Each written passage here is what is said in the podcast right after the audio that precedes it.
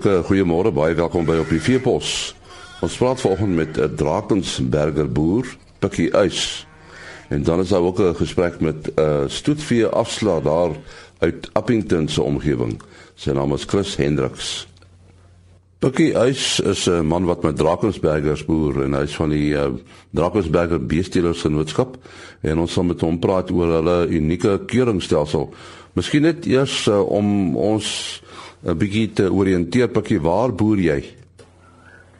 Ja, nie ons boer hier so uh, in die Wakkerstroom volks uh, area nie. 'n Lekker koue area, nê? Nee? Ja, hy word maar lekker koud in die winter. Nou kom ons praat oor die keringstelsel. Uh hoe het dit als begin? Uh, wat het aanleiding gegee tot hierdie stelsel wat by by die Drakensberger beesras gebruik word? Maar en die Drakensberger se geskiedenis sedert die 14de eeu en die begin van die 20ste eeu was een van 'n skrywer beesras. Al hierdie ras se naam van tyd tot tyd verander. Die eerste veeverbeteringswet wat in Suid-Afrika erken is, het nie hierdie beesras erken nie en uh, boere het subsidies van die staat ontvang om om hulle van Europese oorsprong te gebruik in 'n poging om die plaaslike kuddes te verbeter. Dit het tot gevolg gehad dat duisende van hierdie koeie gekruis was en suiwer vroulike diere byna uitgeteel was. Enkele boere het egter uh, bulle en en vroulike diere in die berge versteek en toe die ras in 1947 as ras erken was, was daar baie min suiwer diere oor. Die heel eerste raad van hierdie genootskap het 'n baie duidelike standaard van vertreffelikheid opgestel wat ons vandag nog gebruik. Die doel van hierdie standaard van vertreffelikheid is om die suiwerheid binne die ras te bevestig en te beskerm. Dit is 'n unieke stelsel wat net deur die Drakensberger Teelers Genootskap gebruik word. Hoe werk dit presies? Ag nee, soos ons almal weet, die Drakensberger het nie 'n rasdirekteur of uh, enkele vaste keerders nie. Die hele land is in streke veel en elke jaar gaan daar minstens een senior keerder en een of twee keerders saam op 'n spesifieke toer. Geen keerder senior of junior gaan vir 2 jaar na mekaar op dieselfde toer nie. En die kombinasie van senior en junior wissel ook elke jaar. Dit verhoed dat enige keerder 'n persoonlike invloed of voorkeur op enige ander teeler se kudde of op die ras kan uitoefen. Ons almal weet dat eh uh, dat variasie jou vriend is met teeling en hierdie stelsel veroorsaak of verseker dan dat daar variasie binne die ras bly veral ten opsigte van verskillende streke en produksiestelsels.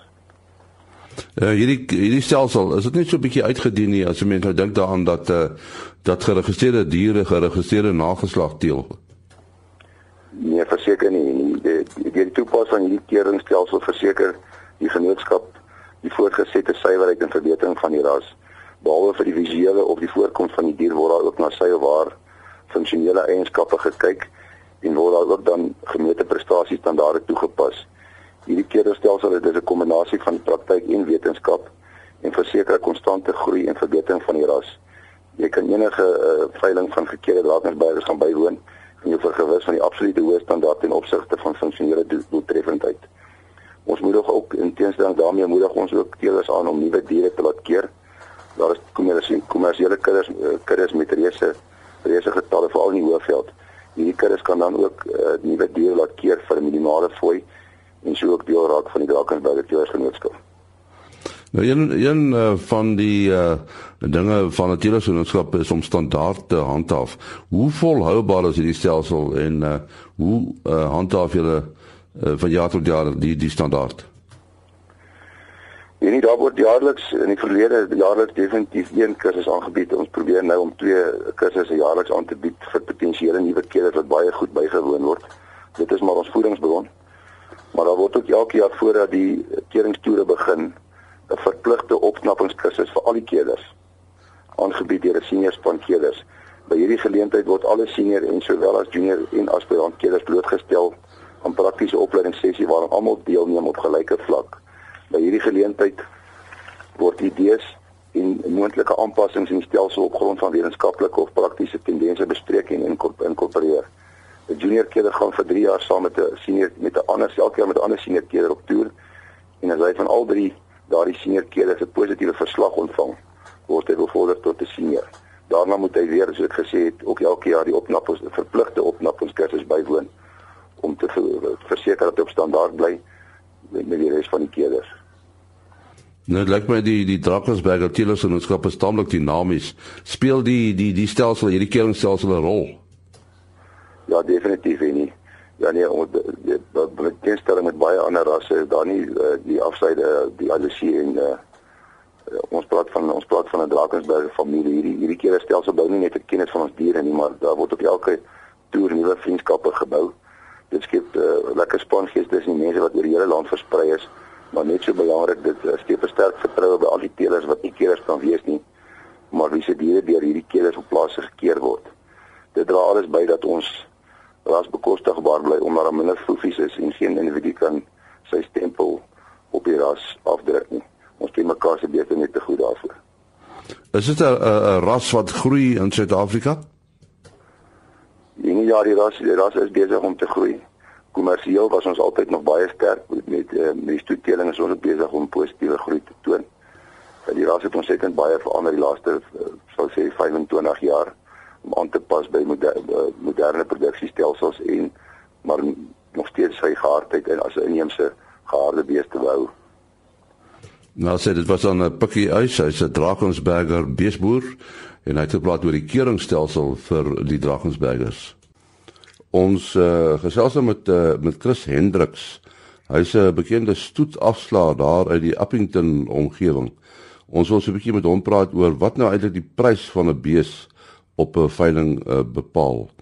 Uh, Chris, wat is uh, die belangrikste op 'n veiling? Is is dit hoe die dier lyk of die uh, die teelsyfers in die katalogus? Nee, dankie. Uh, ek dink wat belangrik is, uh, mense vandag het hier op 'n stoetvee veiling gaan koop is om in eerste plek na die syfers te gaan kyk. Uh syfers en die voorkoms van 'n dier moet mekaar komplementeer. Ek dink nie daar's 'n ander manier wat ons deesdae uh in die gevorderde bedryf uh, dit kan anders omdoen nie uh, dit is baie belangrik syfers en en die, hoe die dier lyk dit moet by mekaar pas. Watter eienskappe is belangrik as 'n teeler diere vir 'n veiling uh, selekteer?